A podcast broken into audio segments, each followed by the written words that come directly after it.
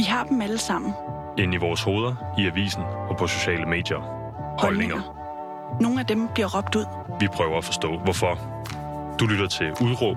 Programmet, hvor den ærlige dialog folder holdningernes nuancer ud. Din vært i dag er Pauline Kloster. God dag og rigtig hjertelig velkommen til Udråb, hvor det i dag skal handle om øh, opvækst. Det skal handle om at have et positivt sind, og særligt i modgang. Med mig i studiet har jeg Rikke Rasmussen, og det er ikke det, du bliver kendt som. Du bliver kendt som Chili Rikke, og jeg vil Ja, sige præcis. velkommen til, Rikke. tak skal du have, Pauline. jeg er så glad for, at du kunne være her i dag, og øhm, man sidder måske derude og tænker, Chili Rikke, det vækker en eller anden form for genklang, ikke? Og man, du har sindssygt mange følgere på Instagram. Kan du huske, hvor mange du har? Og øhm, over 50.000, men jeg kan ikke lige huske det præcise. Er det ikke fedt? Altså siden du lagde et opslag op i går, så har jeg fået tre nye følgere. Jamen, det er jo godt. Det er jo forhåbentlig tre, der virkelig følger med, så det er jeg, håber det. Og det er en kamp for mig at få nye følgere, så jeg vil bare lige sige det. Man kender dig måske fra Instagram, man kan måske også øh, kende dit navn fra de diverse reality-programmer. Du har Ja. været med i For Lækker til Love, Diva i junglen. Ja, Paradise. Paradise, øh, plastikkongerne, vil- alt muligt forskelligt. Alt muligt forskelligt. Ikke? Ja. Øhm, som jeg også lige lagde ud med at sige, så skal vi jo tale om det her med at, øh, at have en hård opvækst, og hvordan man ligesom kommer videre fra det, eller måske ikke videre, men hvordan man lander i det og tager sin historie til sig. ja, hvordan man lærer at leve med det nok. Ja, præcis. Ikke? Ja.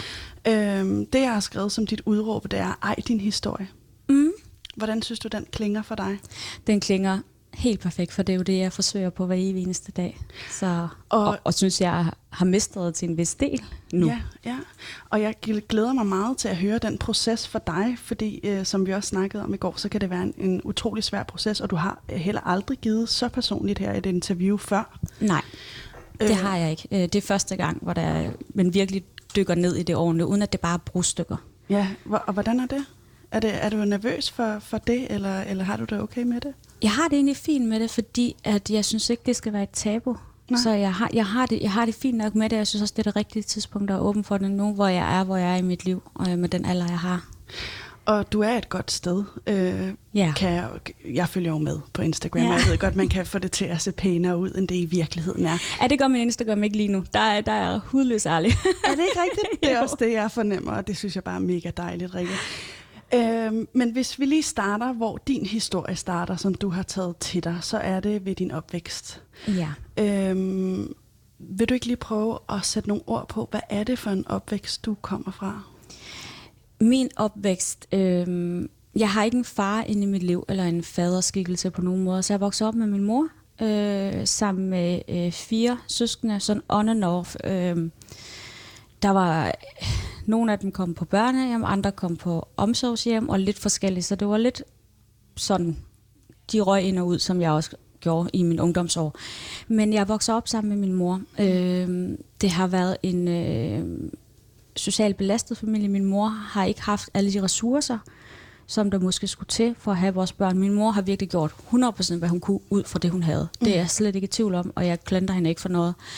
Øh, men det har været en... Øh, på grund af alle det her øh, ressourcesvaghed, har det været en utryg opvækst. Det har været en opvækst, hvor jeg bare vil gå i et med væggen. Mm. Og ikke rigtig vil... Øh, dengang vil jeg ikke skille mig ud for noget i verden. Jeg vil bare blive glemt. Mm.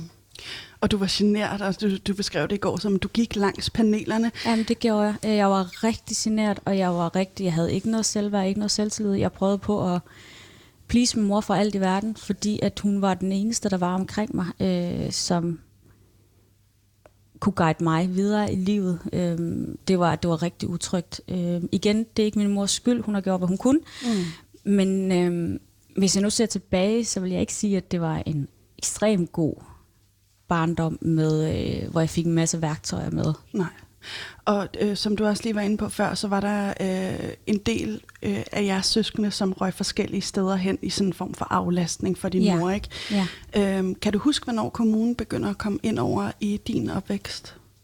Jeg kan faktisk, jeg, jeg har svært ved at huske så meget fra min opvækst, øhm, men jeg kan huske, at kommunen altid har været inde over. Ja. I hvert fald, hvad jeg kan huske. Ja. Det har altid været sådan, at de rendte os på dørene, og vi skulle ned og tale med dem. Og jeg havde jo set det som en... Det gjorde alle. Mm. Alle børn. Og jeg troede også, det vi voksede op i, var helt naturligt, at det var noget, alle gjorde. Ikke? Mm. Men det var det ikke. Nej, det var det ikke. Det fandt jeg så først ud af, da jeg var teenager. Gjorde du det? Ja. Da du var yngre, der havde du sådan et billede af, at øh, øh, kommunen altså, var inde over, det var de bare, eller sådan? Ja, det fornemmede jeg. Jeg vidste selvfølgelig godt, at vores hjem ikke så ud som andres hjem. Øh, øh, fordi at det var ikke lige så clean, lige så rent, lige så lækkert, øh, og mine veninder havde også besøg af veninder, og skulle ikke først sikre sig, at alt så godt ud og sådan noget, men, men jeg troede faktisk, at det var normalt, at mm. der var nogen inde over styre en hver familie. Mm. Og øh, når man har en mor, der har det svært, øh, mm. det kender jeg godt, ja. øh, man tilpasser sig jo, ja, øh, ja. Og, og på en eller anden måde prøver bare ikke at gøre noget på styr ud af sig. Er der, er der nogle erindringer, du har, hvor du kan genkalde dig fornemmelsen af at, at tilpasse dig? Kan du huske, altså er der, er der sådan lidt? Jamen jeg tror, jeg tilpasser mig altid, så der er ikke noget, jeg sådan kan genkalde, øh, eller genkende, øh, hvor det var helt særligt. Det var bare meget, at øh, det der med, at der ikke var en struktur, det gjorde jo, at hverdagens struktur i sig selv blev strukturen. Så det var jo de kunne skifte fra hver dag og alt efter, hvad vi skulle og hvad, hvad vi gjorde. Men, øh, men der er ikke noget, hvor jeg tænker, at jeg tilpasser mig mere end andet. Øh, Nej, det, det var, var bare hele tiden. Det var bare hele tiden tilpasset til, hvordan humøret var. Ja. Og øhm, ja, hvordan stemningen var der. Og det kan jo, oh, undskyld, men det kan jo give en en anden fornemmelse af, at man forsvinder lidt, eller sådan, at man ikke rigtig er til stede. Man prøver ligesom, altså ens øh, personlighed ser det som, den, den får ligesom ikke rigtig lov til at, at blomstre ud fra et, et fundament af stabilitet. Nej, og det var jo egentlig godt nok for mig, fordi jeg ville jo egentlig bare gerne forsvinde. Mm. Så det passede mig jo perfekt, at hvis det var, man ikke lavede noget væsen af sig, og hvis det var, man ikke udskejede nu det her som barn, ikke som teenager, for ja. der udskar jeg en hel del. Der, der kommer en, ja. en anden epoke der, ikke? Lige præcis. Så, så passede det jo godt. Ja. Og øhm, når du var i skole og sådan noget, var der, var der da eksempler på, hvor du tænkte, okay, min familie skiller sig sgu ud, eller sådan, hvornår... Øh... Jamen, det var først sådan med rengøring, jeg kunne se det og sådan noget. Øh, og så fordi at min mor på et tidspunkt også tager mig ud af skolen i 8. hvor jeg er ude øh, flere måneder, fordi hun er blevet uvenner med min klasselærer og sådan noget. Og det der med, at jeg bliver ikke tvunget til at gå i skole, jeg kommer altid for sent, og øhm, derfor kom kommunen også op om morgenen og fik mig til at gå i skole, fordi min mor hun kunne ikke tage kampene med mig om at gå i skole, så hun kom op, kom ind fra kommunen op og sidde hver morgen, wow. så det var, jeg kunne komme i skole øhm, i en periode. Fyldte de dig hele vejen hen i skolen så? Nej, for det var, det var, skolen lå lige over på den anden side, så de, okay. sørgede, bare, de sørgede bare for, at jeg kom ud af døren. Okay. Og det kunne min mor ikke, fordi igen, at når, når min mor hun var så ressourcesvag, det kattede jeg nok hurtigt op på. Og så, øh, hun orkede ikke at tage kampene med mig, for hun havde altså også en masse andre børn, hun skulle tage kampen med. Mm. Så, øh, så jeg kom bare ikke så meget i skole. Nej. I perioder. Og der i 8. klasse, der går det så småt op for dig, og der er man også ved at blive teenager og ligesom finde ud af, mm. okay, hvad er det for en, for en sti, jeg skal træde? Sker der noget med din generthedsfølelse der, da du er teenager? Altså, jeg kommer i hvert fald ud for at være i nok nogle øh, dårlige, en dårlig omgangskreds. Hvad vil det sige? Jamen, det er jo folk, der øh, tager en masse stoffer, folk, der, der øh, måske tilpasser sig lige så lidt som mig, og jeg kan, jeg kan finde et øh, samhørighed i det, mm. fordi at der er folk, der kommer nogenlunde for de samme kår, som jeg gør. Mm. Og så, så føler der, man sig anerkendt og set. Fuldstændig, det kender jeg ja. også rigtig godt, det der, det gør jeg bare. Men øh, når du siger, at du var sådan lidt mere utilpasset som teenager, hvordan kom det til udtryk for dig? Det kom til udtryk med mange konflikter med min mor. Okay. Og allerede der, der havde hun taget bolden, så jeg lyttede jo ikke efter. Jeg gjorde bare, hvad det passede mig. Jeg kom ikke i skole, jeg drak rigtig meget, jeg jamen, lyttede bare ikke til, hvad der blev sagt. Fordi mm. jeg følte allerede, at den var tabt der. Mm, altså respekten og tilliden ja. og sådan noget. Ja. ja, og det har været så hårdt for min mor. Jeg elsker min mor rigtig, rigtig højt. Det må have været forfærdeligt for hende at stå med en teenage-datter, der bare ikke ville lytte, og hun kom ikke hjem om natten, vidste ikke, hvor hun var, og øh, det må være forfærdeligt for hende. Er du ved mig svar, ikke? Det kan man ja. roligt sætte sig ind i. Men også din position kan man også godt sætte sig ind i. Fordi der, øhm, bliver du udadreagerende? Altså, jeg gik rundt, altså helt ærligt, ikke? Så, så smadrede jeg ting, vaskerier og sådan noget, fordi jeg bare var vred. Ja, altså det har jeg aldrig rigtig gjort. Jeg har altid gået ind i mig selv. Altså jeg har råbt af min mor, og vi har haft mange højlytte diskussioner, hvor hun har kastet med ting og sådan noget. Okay. Jeg har aldrig rigtig selv gjort det. Nej. Og er det øh, bevidst, du ikke gjorde det, eller var det den her følelse af bare at gå i et med tapetet, eller, eller hvad, hvad, hvad var det ligesom? Nej, men jeg tror bare, jeg aldrig rigtig har været ude af reagerende. Øh, når der er, jeg får det svært og får det hårdt, så går jeg ind i mig selv, så lukker jeg altså, lukker mig selv ind i mig selv, og, øhm, og det, er jo, det, er jo, det er jo næsten lige, det er jo faktisk lige så skidt, fordi så får man ikke talt om det. Jeg har aldrig rigtig vil fortælle kommunen, hvad der skete. Jeg har aldrig rigtig vil fortælle omsorgspersoner, hvad det var, der foregik, fordi at jeg følte, at hvis det var, at jeg beholdt det til mig selv, mm. det er også det, det nu, måske nogle gange, jeg kæmper lidt imod stadigvæk at gøre. Ja. Men øhm, Hvordan det, Rikke? så var det der ikke. Altså, hvad mener du? Øh, du, du siger, du kæmper stadig med det. Mm.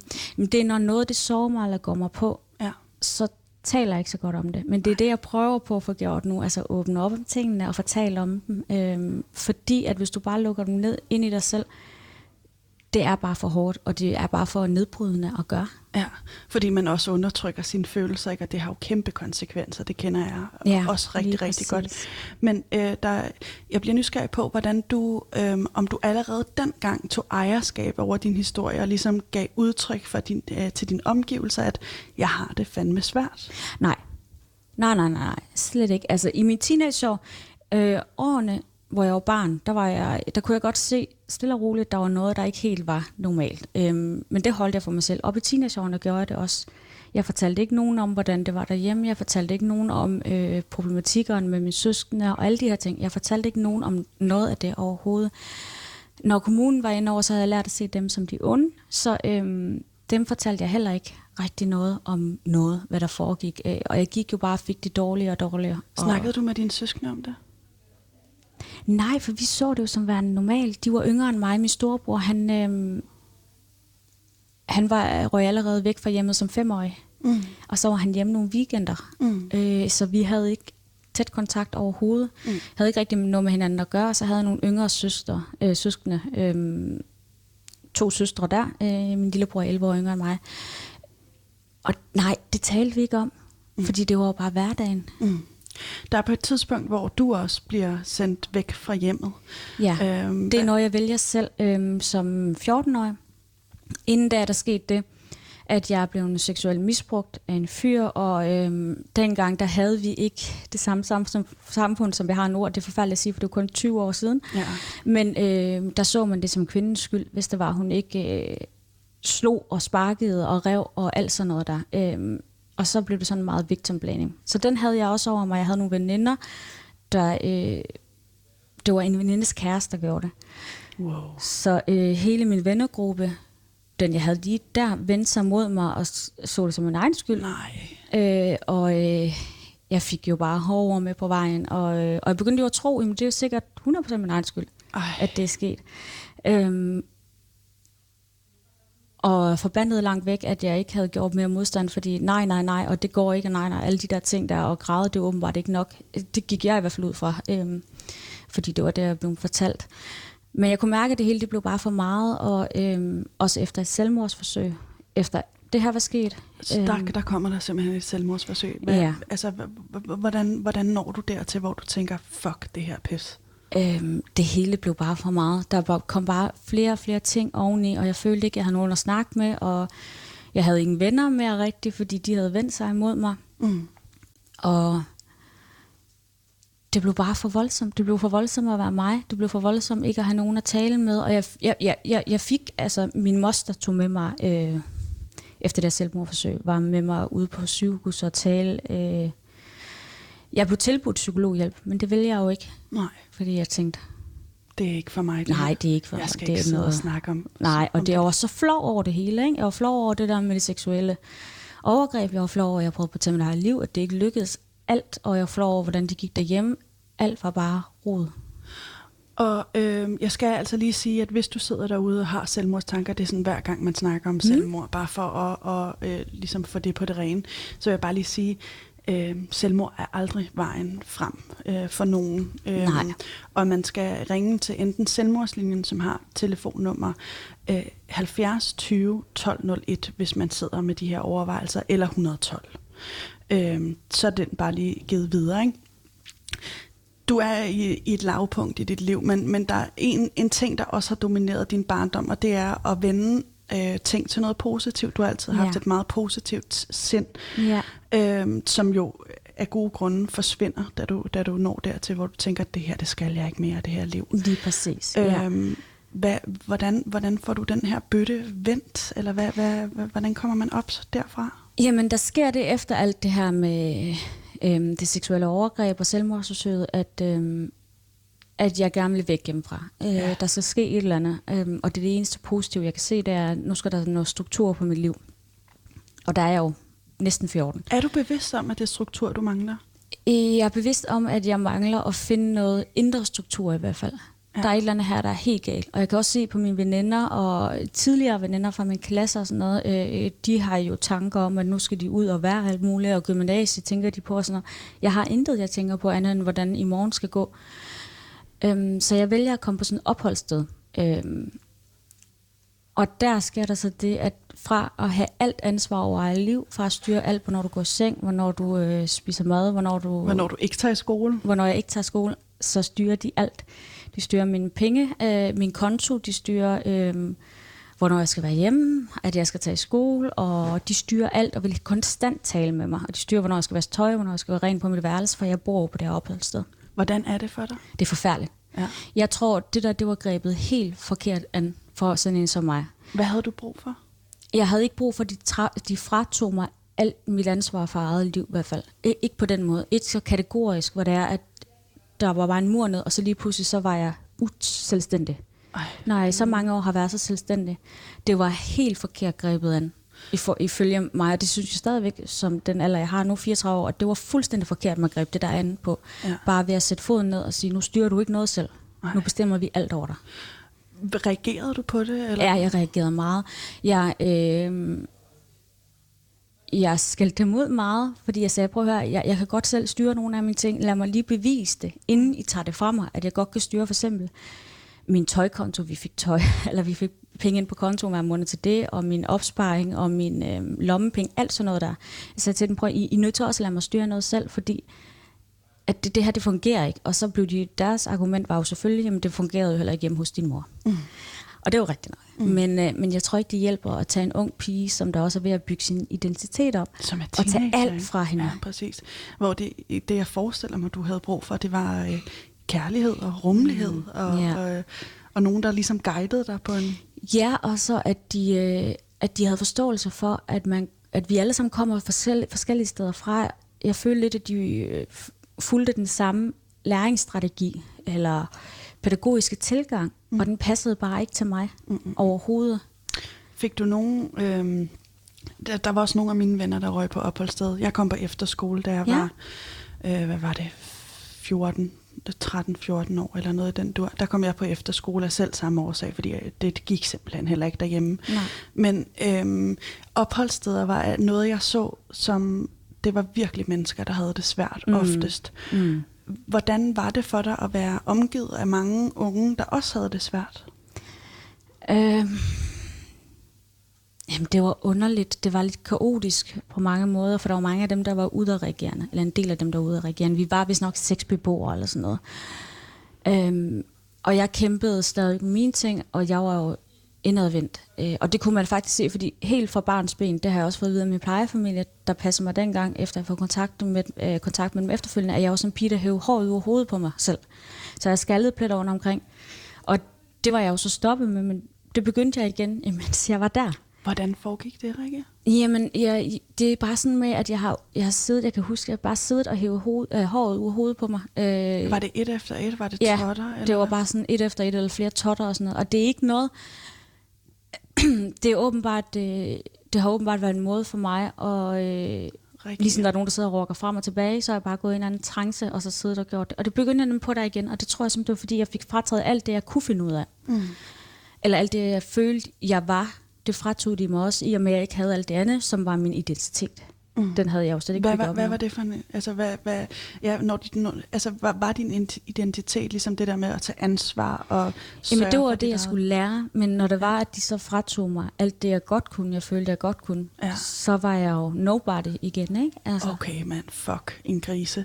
Ja, jeg synes, det var, det var hårdt. Og set på det med mine øjne nu, så kan jeg selvfølgelig godt se, at det giver mening, det de gjorde for nogle børn. Mm. Bare ikke for alle. Nej. Hvad, hvad, hvordan, øhm, hvordan er dit sådan state of mind på det her tidspunkt, eller hvordan anskuer du livet? Altså fordi du, du har jo en tendens til at vende selv den største udfordring øh, til noget, der på en eller anden måde kan, kan give et positivt outlet, ikke? Jo. Kan du det på det her tidspunkt, da du er på opholdssted og river håret ud af hovedet for dig selv? Altså, jeg føler lidt, at det først kommer... at Vendepunktet er nok lidt der, hvor, øhm, hvor jeg så får en kæreste efterfølgende. Jeg kommer hjem igen Ja. Øhm, til min Hvorfor mor. kommer du hjem? jeg kunne ikke holde ud til at være der, og jeg overtalte min mor til at få mig hjem igen. Det fungerede simpelthen bare ikke. Og så var jeg bare, da jeg så kom hjem igen, var jeg endnu mere ødelagt barn. Fordi fra at gøre alt selv og skue alt selv, til at blive frataget alt, til så at skue det igen. Og min mor hun kunne slet ikke holde styr på mig. Der var, det var, hun havde ingen mulighed for det. Øhm, så fandt jeg sammen med en fyr, som øh, jeg følte, da, jeg har jo ikke haft en faderskikkelse. Mm-hmm. Så fandt jeg sammen med ham her, fyren, som jeg følte, der gav mig en masse ting. Øh, både materielle, men også af kærlighed. Og hvordan, altså fordi jeg kan også forestille mig, at du heller ikke har været en pige, der har fået gaver i hoved og røv. Nej, altså, ikke. hvordan er det så at, at blive øh, det er jo for, for gaver? Det er jo det vildeste at føle, at man bliver anerkendt, og man bliver set for den, man er. Ja.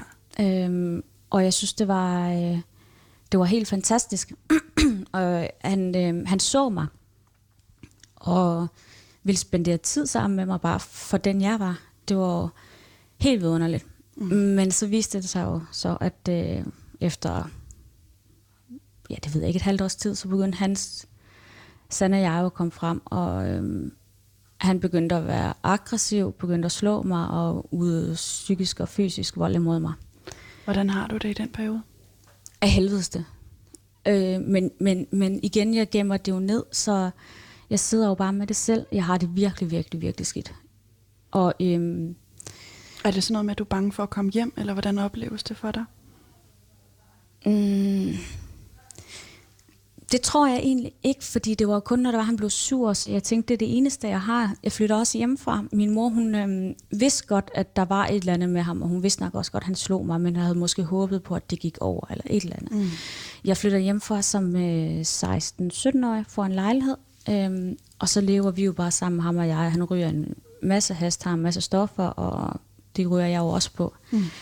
Øhm, og så kører den psykiske og fysiske vold bare derfra. Altså når jeg skulle sove på gulvet, jeg måtte ikke sove i sengen, og øh, jeg måtte ikke få et tæppe over mig, og hvis der var, jeg kiggede forkert på nogen, jamen, så kunne han finde på at slå. Han har også gjort det over for mine veninder, og så hvis der var, han kom til at ramme dem i stedet for mig, så sagde nej, nej, undskyld, undskyld, du er ikke min, det var til dig. Og sådan, og det, det var så langt ude. Det sagde du. Øh, nej, nej, det sagde han. Okay, wow. Når, hvis det var, han nu kom til at ramme hende, fordi hun stillede sig ind foran mig og sådan noget. Altså det, det, jeg var også mange gange, øh, jeg kom ret meget på sygehus i den periode. Øh, men vi fortalte jo ikke, hvorfor. Hvad sagde man så? Jamen, sådan noget med at falde ned af Trappen. trappen eller et eller andet. Hvis der nu var et knækket ribben eller et øh, bøjet ribben eller sådan noget. Var det det, Rikke? Ja, det var der nogle gange. Altså, han var, han var øh, virkelig hæftig, men han havde det jo heller ikke godt selv. Jeg vidste selvfølgelig godt, man skal ikke sidde og forsvare psykisk og fysisk vold, men det var tydeligt at se, at han havde det ikke godt selv. Ja. På et tidspunkt, der øhm, ville jeg gå fra ham, Hvorfor? fordi jeg kunne ikke det der at vi var, jeg var gået fra ham op til flere gange, men, øhm, men øhm, jeg havde bare ikke nogen steder til hen. Men så ville jeg gå fra ham, og så finder han et oversaget jagtgevær frem, altså et, overs, et lat oversaget jagtgevær, peger det mod panden og siger, hvis, der ikke er, hvis, hvis han ikke skal have mig, er der ikke nogen, der skal have mig. Og så kan jeg huske, at jeg bare tænkte, ej, det er også bare lige meget det hele. Og så bare bad ham om at trykke på det. Han stod bare helt inde i panden. Jeg kan huske, han skubbede mig ind i væggen. Det var inde i vores stue, og der var vinduer, så dem overfor, hvis der, var nogen, nogen, hvis der nu var nogen, der havde set ud af vinduet, kunne de jo se det. Og jeg kan bare huske, at efterfølgende, der havde jeg stadigvæk det der mærke efter øh, løbet i min pande. Nej. Øhm, og jeg kan bare huske, at jeg tikkede ham om at trykke på altså, aftrækkeren. Du gad ikke mere. Ej, overhovedet ikke. Det var bare nok. Derefter, der følte jeg, at der begyndte jeg sådan at tage ejerskab virkelig for mit eget liv. Jeg havde forsøgt det lidt op til at prøve på at se de positive ting i verden, når der var, der var så meget ondskab. Men derefter, der følte jeg virkelig, at nu tog skeen i den anden hånd. Nu skulle der ske noget. Hvordan, og det bliver jeg mega nysgerrig på, fordi ofte, det hører man i hvert fald om, og jeg har også haft flere mennesker her inde i det her studie, eh, ikke lige det her studie, fordi vi sidder et lidt underligt sted, øh, men i et andet studie, Ja. øh, som snakker om psykisk vold. Og det, der ofte sker, det er, at, at det føles som om, man er ingenting Ja, uden for mm, fuldstændig rigtigt. Og jeg var jo ingenting. Det var ikke kun der, det var jo all over, jeg ingenting var. Fordi at jeg havde ingen identitet. Nej, og jeg ved, at min moster havde virkelig prøvet at hjælpe mig. Min mor prøvede også at hjælpe mig så godt hun kunne, det er der ikke nogen tvivl om. Men, men jeg kunne ikke tage imod den hjælp, for jeg følte ikke, jeg var noget værd. Øhm, og lige da han stod der med det jakkevær, der havde jeg også misbrug af, af morfin. Øhm, det har jeg haft i, øh, det havde jeg haft i et år der eller sådan noget, og kørt to år mere. Øhm, fordi det bare var nemmere at være nom af morfin, altså være helt bedøvet af morfin med alt Hvordan det, der starter det der morfinmisbrug? Det starter ved, at vi... Øhm, mig og en kammerat og en veninde kører galt i bil. Der er en taxa, der kører over for rødt. Vi kører ind, for siden af den, ind, i siden af den, og så får jeg et pisksmæld, og det kæmper jeg rigtig meget med. Så får jeg øh, et morfinpræparat, øh, Dolol, og dem øh, finder jeg ud af, at når der jeg tager nok af dem, så kan jeg få en følelse af, ja, bare at være tilpas i mig selv. En ros, øh, en stille ros, og føle, at øh, alt er godt, og det bare er dejligt at være i mig. Ikke? Så det får jeg en, øh, så det får jeg et misbrug af, og tager også en overdosis af det på et tidspunkt. Kan du huske, at du tager overdosis? Jeg kan godt huske, at jeg vil have, det er fordi, man skal tage mere og mere, når, når der er, man bliver afhængig af sådan noget, skal man tage mere og mere, for at det har den virkning, man ønsker. Og øhm, lige pludselig kan jeg bare ikke få en virkning. Og det generer mig rigtig, rigtig meget, så jeg bliver bare ved med at tage flere og flere. Og det sidste, der kan jeg bare mærke, at der er et eller andet fuldstændig galt her. Øh, Jeg begynder at få rysteture, jeg begynder at sidde og få sådan nogle øh, chok i kroppen. Meget, meget slem chok. Øh, og siger så til Allan, øh, eller daværende kæreste, eller det hedder han, ja, at, øh, at nu ligger jeg mig ind i seng, og så kommer han med ind i seng, og så begynder jeg bare at få sådan nogle ligesom epileptiske, epileptiske anfald, og til sidst kan han så ikke vække mig, hvor jeg bare ligger med frode ud af munden, og jeg bare ligger for anfald. Seriøst. Ja, og så kommer, øh, kommer ambulancen så, og udrykning og alt. Og det er før, han tror dig med en... Jeg kan faktisk ikke huske, om det er før eller efter, fordi den er meget sløret, den periode, fordi jeg netop også tog en masse stoffer og sådan noget. Ja. Men jeg ved, at lige da det der med det jakkevær, der ved jeg, at der tænker jeg, nu skal jeg til at tage mig sammen. For jeg har altid vidst, også da jeg var barn, har jeg altid vidst, at jeg skulle nok blive til noget. Jeg har altid troet på, at jeg skulle nok blive til noget. Jeg skulle, der skulle nok komme noget ud af mit liv. Hvor, hvor, Og det var ikke sådan, at jeg skulle leve. Hvordan, hvordan, øhm, hvordan, hvor, hvorfor har du det? Altså, ved du det? Fordi man kan godt tænke, hold kæft, når man har mødt så meget modgang i så ung en alder, Ja. at man kan miste fuldstændig håbet for, at det her nogensinde skal blive rettet op. Hvorfor tror du, du havde det? Jamen, jeg tror, jeg havde det, fordi at det var det eneste, jeg kunne klynge mig til. Mm. Hvis det er, jeg bare ikke havde det håb om, at jeg nogensinde skulle blive til noget, hvis det var, jeg ikke havde det håb om, at jeg nogensinde skulle klare mig godt, jamen, så havde jeg ikke noget håb. Så, så var der ingen grund til at leve. Mm. Det, det, det, det var det eneste, jeg kunne holde fast i. Det var, at jeg ved, at jeg nok skal blive til noget en dag. Jeg ved, at jeg nok skal klare den, og jeg nok skal få et rigtig godt liv, jeg er glad for. Og er du... Øhm, kan du huske, at du tager beslutningen? Altså, fordi en ting er, at du står med det her jakkevær, som er lat ind imod panden, og du siger skyd bare. Mm. Ikke? Hvad, øhm, hvordan, hvordan, hvordan, hvordan begynder du at forlade ham? Altså, er det noget, der sker abrupt, eller, eller kommer det snigende? Eller? Nej, der sker det, at, øhm, at han er med i noget bande noget. Han er stikker dreng fra dem. Øhm, og så sker der det, at, øhm, at han kommer på afvending. Heldigvis for mig. Mm-hmm. Øh, men så er jeg jo alene i lejligheden, og de her gutter vil have fat i ham og kommer og sparker min dør ind. Der er en masse med det, og vil øh, kidnappe mig og bla bla bla for at få fat i ham, og jeg skulle fortælle, hvor han var, og jeg vidste jo faktisk ikke, hvor han var. Han var på afvending. Øh, så det sluttede egentlig, der var egentlig nogen, der tog ham fra mig, hvilket var rigtig, rigtig, rigtig godt. Hold fordi, kæft, at, hvor godt, ja. ja, fordi det havde næsten været umuligt for mig at komme væk fra ham, for jeg vidste ikke, hvor jeg skulle tage hen. Øhm, jeg havde ikke nogen steder at tage hen. Så han bliver taget væk fra dig. Hvad, Ja. hvad, hvad sker der med dig i den periode? Jamen, der sker det, at øh, jeg er jo stadigvæk på det her morfin. Jeg er stadigvæk afhængig af det. Så jeg går egentlig bare i sådan en sump i et godt langt stykke tid.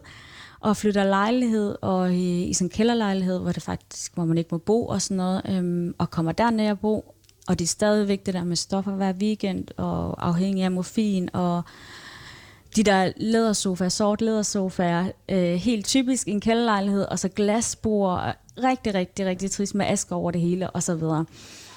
Øhm, der lever jeg i et stykke tid, og øh, fører det her liv, og ved godt, at det ikke er det, jeg skal fortsætte med, og jeg begynder sådan stille og roligt at minde mig om øh, ting, jeg har i mit liv. Ting, jeg er glad for, fordi selvom noget går dårligt, så har du mindst noget, du er glad for. Og hvad var det, du sagde til dig selv i den periode så? Det var for eksempel, at jeg havde min hund. At jeg havde et sted at bo. Godt nok var det ikke lovligt, men, og det var heller ikke lækkert, men jeg havde et sted at bo. Jeg øh, var en ung kvinde, det fortalte jeg også mig selv, at øh, jeg var ung, så jeg kunne sagtens nå at gøre noget ved mit liv. Og det kan da godt være, at øh, min mor har haft det svært, men det mindste havde jeg en mor, der, der faktisk ville mig det bedste, om, øh, om så ressourcerne var der eller ikke var der. Hun ville mig faktisk godt. Øh, tiden går, og jeg, øh, da jeg går fra ham, eller da vi går fra hinanden, der er jeg 18, nej, 19, 20 eller sådan et eller andet. Og så begynder jeg at skrive med en fyr fra København, og jeg har altid gerne vil flytte til København, fordi at, øh, jeg skulle bare væk fra alt det der, hvor alle kendte en, og alle vidste ens forhistorie. Du er Øhm, opvokset i Aalborg? Aalborg, ja. ja. Så øh, jeg begyndte at skrive med en fyr fra København, øh, og han kom op og besøgte mig, og øh, vi fandt faktisk, vi passede bare sammen. Øhm, efter et halvt år eller syv måneder, der besluttede jeg mig for at flytte til København. Så jeg besluttede mig om torsdagen, og flytter om tirsdagen. Og bare lige for at blive det, fordi jeg bliver nysgerrig på, når man, når man har været til øhm, mennesker, som har det svært, jo, mm. altså lige børn leger bedst, ikke? Klassiske ja. udtryk, ikke? Så kan det nogle gange være svært at få den brudt. Ja. Hvordan har han også udfordringer og ting, han dealer med? Eller? Nej, han har et rigtig godt liv. Øh, altså kernefamilie, udover selvfølgelig mor og far ikke sammen, men ellers alt det, man ser som værende, en øh, rigtig, rigtig god og sund familiedynamik. Øhm, og han har så meget forståelse for min situation. Øh, I starten fortæller jeg ham selvfølgelig ikke særlig meget, men stille og roligt fortæller jeg ham noget om, hvordan jeg har det. Og der er virkelig bare forståelse og tålmodighed hele vejen rundt. Og hvordan er det at sige det højt? Altså det, det, det, det er jo ikke ofte, du har gjort det. Er det første gang, du siger det til nogen? Øh, ja, ja, fordi at alle i Aalborg vidste jo godt, vidste, at om de vidste det hele, det gjorde de jo nok ikke, men det vidste jo godt, at der foregik noget.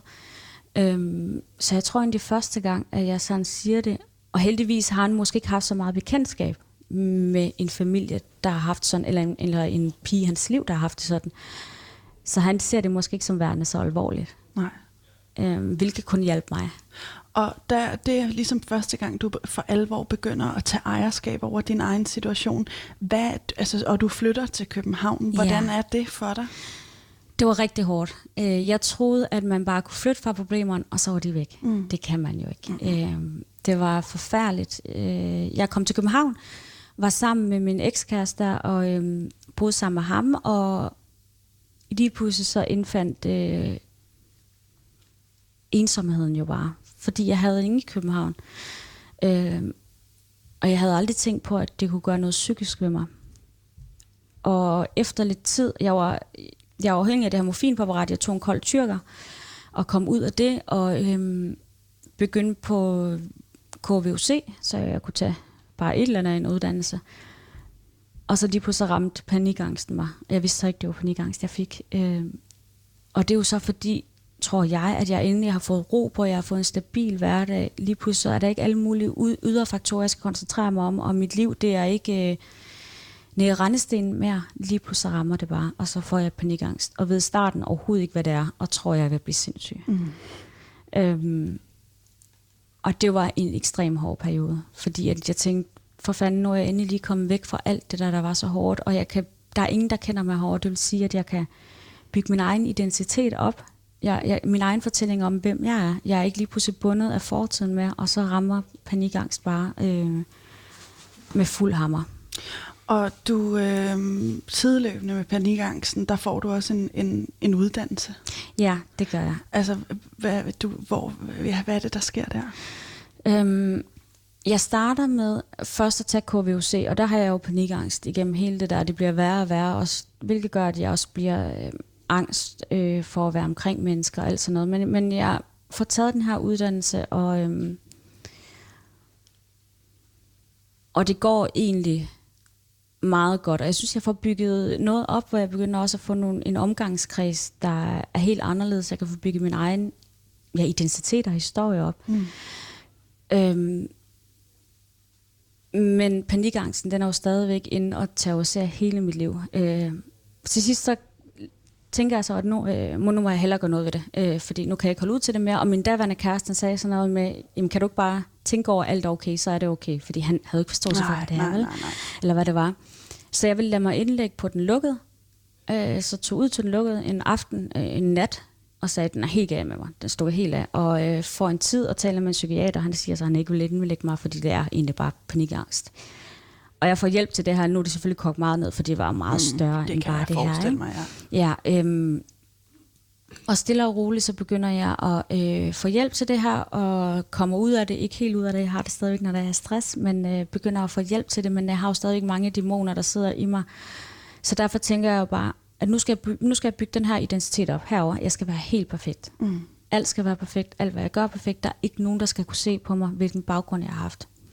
Så jeg begynder at bygge op det her liv med at øh, tage min uddannelse, øh, bacheloren, øh, kandidaten, alt skal bare være helt perfekt. Og hvad er det, du har en kandidat i nu? Jeg har en bachelor i uddannelsesvidenskab og en kandidat i øh, pædagogisk sociologi.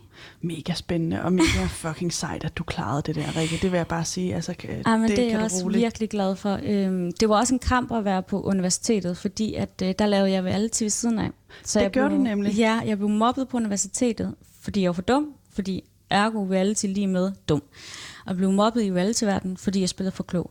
Så jeg passede ikke ind nogle steder, der ligesom jeg heller ikke har gjort i barndommen rigtigt. Jeg havde ikke haft sådan min niche i mit sted, hvor jeg passede ind. Hvorfor begynder du at lave reality? Det var egentlig, fordi jeg blev kontaktet omkring, øh, efter mig og den her kæreste øh, gik fra hinanden omkring noget Paradise, og så tænkte jeg, ja, hvorfor ikke? Jeg vidste ikke rigtigt, hvad det var. Men reality har faktisk givet mig noget rigtig stort. Hvad har det givet dig? Jamen, det har virkelig vist mig, hvordan jeg agerer udadtil. Jeg tror, alle dem, der er med i reality, kan lære noget af det, hvis de ønsker at lære noget af det. Og jeg har lært rigtig meget. Jeg har set mig selv i tv, hvordan jeg agerer over for andre mennesker. Og nogle gange også tænkt, at det var måske ikke så smart lige den og den arena. Vi agerer jo altid forskellige over for forskellige personer, alt efter hvor vi står. Om det er en chef, om det er en ven, eller om det er en kæreste. Det gør vi jo. Og jeg havde sat den der på mig, at alt skulle bare være perfekt. Mm. Så jeg fandt ud af, at jeg kom, kom måske nemt til at fremstå lidt arrogant, mm-hmm. fordi at jeg havde bygget sådan et skjold op med, at alt skulle være perfekt, der var ikke nogen, der skulle kunne se på mig, hvor jeg kom fra. Var det ikke et hårdt skjold at holde oppe? Jo, og det er jo heller ikke ægte. Nej. Det er jo ikke ægte. Det var ikke sådan, jeg havde det indeni. Jeg havde det jo stadigvæk rigtig, rigtig skidt. Jeg havde stadigvæk øh, problemer med selvværd. Jeg havde stadigvæk problemer med selvtid. Men jo mere jeg fortalte mig selv, at, øh, at jeg skulle være perfekt, jo mere altså, var det jo bare den person, jeg var. Mm. Øh, men det var hårdt. Men, men der har jeg igen haft alt det der med, at jeg skulle virkelig prøve at øh, fokusere på det positive og så videre. Ikke? Og holde sammen på dig selv. Og, holde sammen, ja. ja og få sådan en følelse af sådan at holde dig oppe. Og på det her tidspunkt begynder du også så småt med øh, øh, plastikkirurgi. Og øh, jeg må blankt erkende, at jeg har set mange af dine stories fra, ja. du har der rejst til Istanbul og fået lavet en masse operationer og sådan noget. Og der var på et tidspunkt, hvor jeg simpelthen øh, virkelig, virkelig overvejet at få en operation, som du også har fået, som hedder Brazilian Butt Lift. Ja, den er jeg også rigtig glad for. det kan jeg godt forstå. Og det er jo bare, altså hvis man kender Kim Kardashian-formerne, mm. ikke, så er det den, man ligesom øh, øh, efterlever, eller skal yeah. man ligesom sige. Man tager fedt fra nogle steder på kroppen og propper det ind øh, på, omkring hofterne og på numsten, så, og måske også brysterne i nogle tilfælde. Ja, men faktisk det sted, hvor man ønsker det. Øh, man omrokerer faktisk egentlig fedt. Så det er dit eget fedt, man bruger. Øh, jeg har virkelig været glad for den operation. Det er nok den, jeg har været gladest for. Det forstår jeg fandme godt. Hvor mange har du operationer? Åh, oh, gud. Øh, Øj, ja, det kan, det kan Ej, jeg slet det... ikke huske. Altså, jeg har en del. Men hvorfor, hvorfor øh, øh, det, det er et spørgsmål, jeg er blevet stillet, hvis jeg har sagt åbent og ærligt. Det kunne jeg faktisk godt tænke mig at få ja. lavet. Det er farligt, Brazilian butt lift. Det er relativt farligt, ikke? Nej, altså jo, men alle, alle operationer er farlige. Øhm, man har selvfølgelig, altså hvis det er Den måde, det gøres på, det er, at dit fedt øh, suges ud, og så skal det injiceres igen. Hvis det er, at du kommer til at gøre det i en blodår, så skaber du selvfølgelig en blodprop. Mm. Derfor skal man have nogle virkelig kompetente læger, der laver det her. Øh, man skal ikke bare tage en eller anden, man lige har fundet på nettet, fordi det er rigtig billigt, fordi så kan det gå galt. Der, hvor det går mest galt, det er jo fordi, at øh, bryster, der kan ikke gå så meget galt. Altså, jo, man kan man kan altid, det kan altid gå galt, ikke? Men, ja. men, men der er ikke stor risiko for, at du kan dø af den operation, som der er med Brazilian butt lift. Så det er jo klart, hvis, der, hvis du har en læge, der ikke er særlig kompetent, der laver mange af dem her, så er der bare større risici ved det. Mm. Derfor er det også den, man siger, der er højst øh, dødelighed på, fordi at jo flere læger, der laver den, der ikke er kompetent til det, jo mere jo større risiko er der for dødelighed. Hvorfor gør du det? Jeg gør det, fordi det, det har gjort mig glad. Jeg, jeg, jeg har ikke nogen operationer i tanke lige nu overhovedet. Jeg er glad for dem, jeg har fået, men det gør mig virkelig, virkelig glad. Øhm, jeg er lykkelig for dem, jeg har fået. Det har ikke noget at gøre med øh, det der med at være perfekt. Det var mere mit indre, det er ikke så meget mit ydre. Men jeg vil gerne have mit ydre afspejler også det, jeg føler inde i mig. Øhm, så jeg vil bare gerne, når jeg står op og ser mig selv i spejlet, så vil jeg gerne være lykkelig for det, jeg ser, og ikke bare tilfreds med det, jeg ser. Mm. Så kan man jo så sige, men kan du ikke lære at elske dig selv, som du ser ud? Jo, men det er bare ikke alle, det lykkes for. Hvorfor skal jeg bruge et helt liv på at lære at elske, hvordan jeg ser ud, hvis det er, at jeg kan få en operation, selvfølgelig velovervejet operation, og så blive glad for det. Mm. Du har rigeligt andre ting i hvert fald at, at kæmpe med, ikke, kunne jeg forestille Ja. det så det er sige. måske den mindste del af det. Men er der også noget med det her med at, at tage ejerskab over, hvordan man bliver set af folk. Altså fordi du, du fremstår, og det, gør, det sagde jeg også til dig i går, men jeg synes jo, du er enormt smuk. Altså oh, det, det synes tak. jeg, du er. Du kom og sagde, jeg er helt uden makeup eller noget, ja. og du ligner jo en milliard. Ude altså. fra regnvejret er på cykel og alt muligt. ja. Og du ligner jo en milliard. Men er det også en, en måde at, at ligesom, øh, ligesom at tage ejerskab over ens historie, så tager du ligesom også ejerskab over, hvordan du fremstår for folk? Det tror jeg 100 procent jeg føler bare, at øh, altså, jeg fik lavet min første brystoperation, øh, da jeg var 21. Så fik jeg lavet min næste, da jeg var 22, fordi den første var ikke, det var et dårligt sted, øh, ikke pænt. Og så gik der jo lang tid. Der gik måske, jamen hvor lang tid gik der? 8 år, før jeg fik lavet en operation til igen. Så i den der lange periode, det var den der periode, hvor jeg virkelig sådan har brugt fra øh, der begyndte jeg at være med i reality mm. og alle de der ting. Du et offentligt ansigt? Ja, og jeg begyndte at lære mig selv bedre at kende. Mm. Og alt det der positive, altså skubbe det ind i mit liv. Fordi jeg tror på, at de sind, det, de sind ændrer din kampe. Jeg tror på, at hvis det er, at du har et positivt, optimistisk syn på livet, så bliver din kampe også bare nemmere, og de bliver ikke dermed sagt, at de ikke er svære, fordi mit, min fortid har sgu også været svær, men, men jeg, kan jo ikke hele, jeg kan jo ikke leve hele mit liv på, at det er svært. Det er jo kun mig, der taber ved det. Jeg er jo nødt til at være min egen lykkesmed og sige, okay, jeg har en forfærdelig opvækst øh, og baggrund. Det har jeg. Men hvis jeg gerne vil have en god fremtid, så er jeg sgu nødt til at arbejde for det selv. Og hvad gør du så? Altså, fordi du bliver jo et kendt ansigt, du begynder at få lavet de her operationer, og det gør jo også, at øh, medierne og pressen fatter utrolig stor interesse for dig. Jamen, jeg tror, det har givet mig rigtig meget modstandsdygtighed på en eller anden måde. Altså jeg er virkelig blevet altså, virkelig god til, når der er folk, for eksempel ind på Ekstrabladet. Nationen er nedlagt nu, mener jeg, mm, tror jeg nok. Ja, ja. ja. Men der blev skrevet rigtig meget om mig ind. Og det var på en eller anden måde en god ting for mig, fordi der blev skrevet, ej, hvor hun fed og klam, og plastikdukker og alt det der. Men det gav mig faktisk rigtig meget. Det gav mig rigtig meget styrke, at der blev skrevet så grimt om mig. Det gav mig utrolig meget at se mig selv i tv og se, ej, måske så skulle jeg lige ændre det og det og det, fordi jeg ville sgu egentlig ikke fremstå på den her måde. Jeg har lært så meget af at begå mig selv i samfundet, er at være i valgelse. Jeg synes faktisk, jeg har lært mere end at gå på universiteter om det, fordi at jeg ser jo også, at den måde, du går på universiteter for, jo, du kommer for at tage en uddannelse, men du kommer der egentlig også for at blive dannet menneske. Mm. De uddanner mennesker, de danner mennesker til samfundet. Mm.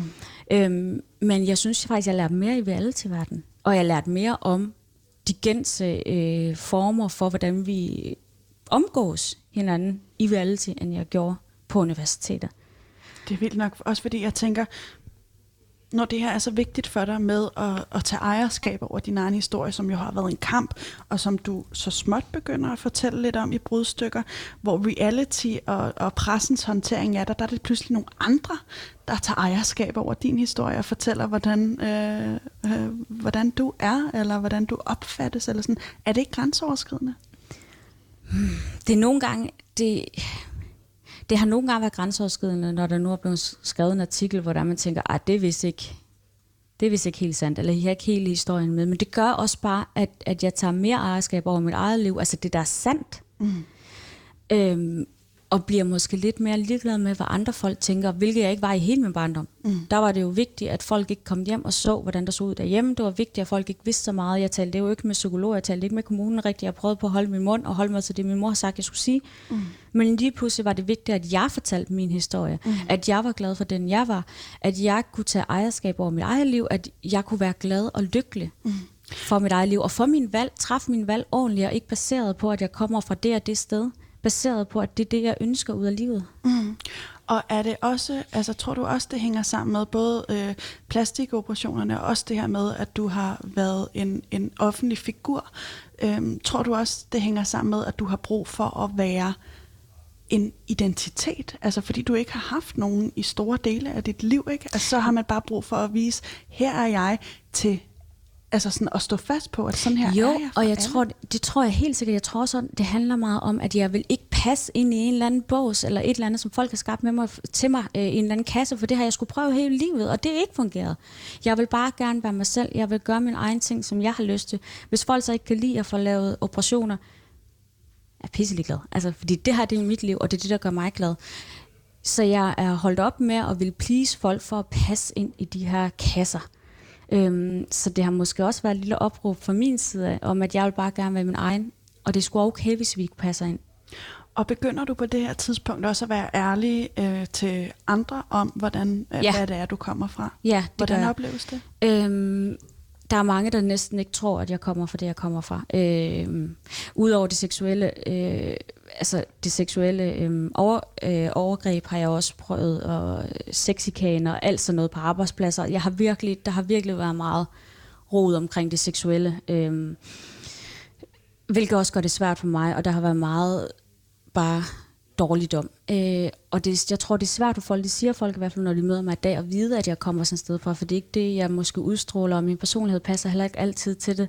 Men jeg har jo mange men derfra. Jeg har jo panikangsten, jeg kæmper med. Jeg har jo stadigvæk øh, min indre forståelse af mig selv, men kort og godt, så tror jeg på, at, øh, at livet er det, vi gør det til. Mm. Og jeg er jo sikker på, at hvis jeg nu bare tager de positive, også nu har jeg lige været igennem en depression, som jeg har kæmpet meget med. I den, der fortalte jeg jo også mig selv, at jeg har stadig min lejlighed, jeg har stadig min hund, jeg har stadigvæk et godt liv, jeg har skabt alt det her for mig selv. Der er altid noget at være glad for. Mm. Og det tror jeg, det er vigtigt, at man holder, at man holder ved. Når du, øh, den depression, du lige har været igennem, den har du også delt ud af på din Instagram, meget hudløst ærligt. Ja. Øhm, og det kan være fandme være svært, når man står et meget sårbart sted, ikke? Jo. Hvordan, øh, hvordan oplevede du det? Altså, var det, var det svært for dig at være så ærlig? Det, der var værst, det var igen, at man skulle passe i en kasse. Så jeg fik at vide, øh, der var folk, der har skrevet hadfulde beskeder til mig, folk, der har skrevet om mig, jeg har læst rundt omkring, hvor der, der står, det kan ikke passe, at Rikke har depression, fordi så er man ikke på den måde, hun er på. Igen skulle man passe ind i en kasse for at kunne have depression. Øhm, og jeg har, jeg har været åben og ærlig om depression. Det er så det, folk siger, man ikke kan være. Men det kan man sgu godt, fordi det har jeg gjort. Øhm, det har hjulpet mig rigtig meget. Det havde, jeg er glad for i dag, at jeg kan fortælle min historie, så andre ikke kan bruge den imod mig. Mm. Øhm, er det det, det kan? At være ærlig det og Det tror jeg helt historie? sikkert, det er. Fordi hvis du, hvis du selv blot ligger der og ligger der ud, jamen så er, der ikke, så er der ikke noget, folk kan have på dig. Det var det, jeg var bange for hele livet, at folk skulle finde ud af, øh, dengang jeg var øh, barn og, og ung, at folk skulle finde ud af, hvordan sandheden egentlig var. Mm. Og jeg vil bare gerne lægge det der ud og også sige, prøv at hvis det er, du kan være ærlig, åben og ærlig om, at du er sårbar, åben og ærlig om, der er noget mentalt, du lige kæmper med, men det skulle en styrke. I stedet for at se det som en nederlag, at du kæmper med det, så se det som en styrke, at du kan stå ved det. Vi alle sammen har noget. Det, det er ikke bare så rosenrødt, som man går og tror. Vi alle sammen har et eller andet, vi kæmper med. Men hvis det er, vi kan lade være med at gøre psykiske øh, sygdomme, hvis det nu er det, eller noget andet, til et nederlag, men til noget stærkt i, i stedet for, så tror jeg, vi kommer rigtig langt. Mm. Men er det ikke også en måde at tage kontrol over øh, netop de ting, der er svære? Jo, 100 procent. 100 procent. Øh, ved at snakke om det, tror jeg også, man kan tage kontrol om det, men også ved at stå ved det mm. og sige, den her, den skal fandme ikke få mig ned med nakken. Mm. Øhm, Og igen, tænk positivt over alle de ting, man har. Virkelig at vente til noget positivt. Og det er igen det der med, jeg ved det godt, min fortid, den, den skal jeg kæmpe med resten af livet nok. Men jeg kan få en styrke ud af det. Jeg kan lære mig selv bedre at kende. Det har jeg gjort med panikangsten. Jeg har lært mig selv bedre at kende. Jeg har gjort det med depressionen. Nu har jeg stressen, som jeg stadigvæk kæmper lidt med. Jeg har ikke depression mere, men jeg har stadigvæk stress. der har jeg der er jeg også ved at lære mig selv bedre at kende. Og det mm. tror jeg, det er utrolig vigtigt. Jeg har også lært rigtig meget af min barndom. Der er stadigvæk ting, jeg ikke helt har fået på plads, og ting, jeg har fået fortalt ad, øh, øh, i og med, at jeg ser øh, sagsakterne og sådan nogle ting. Øh, men jeg tror, det er vigtigt at, at vende det hele om til noget, du kan holde ud til i dit liv. Og jeg kan kun holde ud til det, hvis jeg kan vente til noget positivt. Mm. Øh, en ting, jeg tænker ikke, det er, hvordan, øh, altså fordi et eller andet sted, så kontrol vel også lidt i modsætning til accept og kærlighed, eller, eller, eller forstår du, hvad jeg mener? Ja, øh, både og. Okay. Øh, jeg tror, jeg skal også lære at slippe kontrollen øh, ja. og bare lade flyde. og det har jeg jo svært ved at sige, at det hele skal være så perfekt, og det hele skal være godt. Men jeg føler lidt, det er det, jeg gør nu ved at bryde ned og sige, prøv at, det hele er ikke perfekt, og man kan ikke... Øh, jeg skal også have, have, have færre øh, krav til mig selv. Ja. Jeg stiller jo ekstremt store krav til mig selv. Er det svært for dig? Det er ekstremt svært. Men ja. det, er det, jeg, det er det, der min psykolog også er i gang med lige nu i forhold til stressen, og det er også det, jeg har skrevet om ind på min Instagram. Det er netop, at jeg er ved at lære det der med, at det er i orden ikke at være perfekt. Det er i orden ikke at, øh, ikke at yde hele tiden øh, det bedste, man overhovedet kan. Nogle gange, nogle gange, eller jo, bare du yder det bedste, du kan, men nogle gange er det også i orden bare at slippe det hele. Og bare være dig selv. Øhm, Hvornår er du det? Jeg er allermest mig selv, når der er sammen med min kæreste Martin, øh, hans piger, eller bare er alene derhjemme, sammen med mine roommates eller min hund. Altså så, og sammen med mine veninder, så er jeg bare... Allermest dig selv. Ja, og, og øh, hviler i mig selv.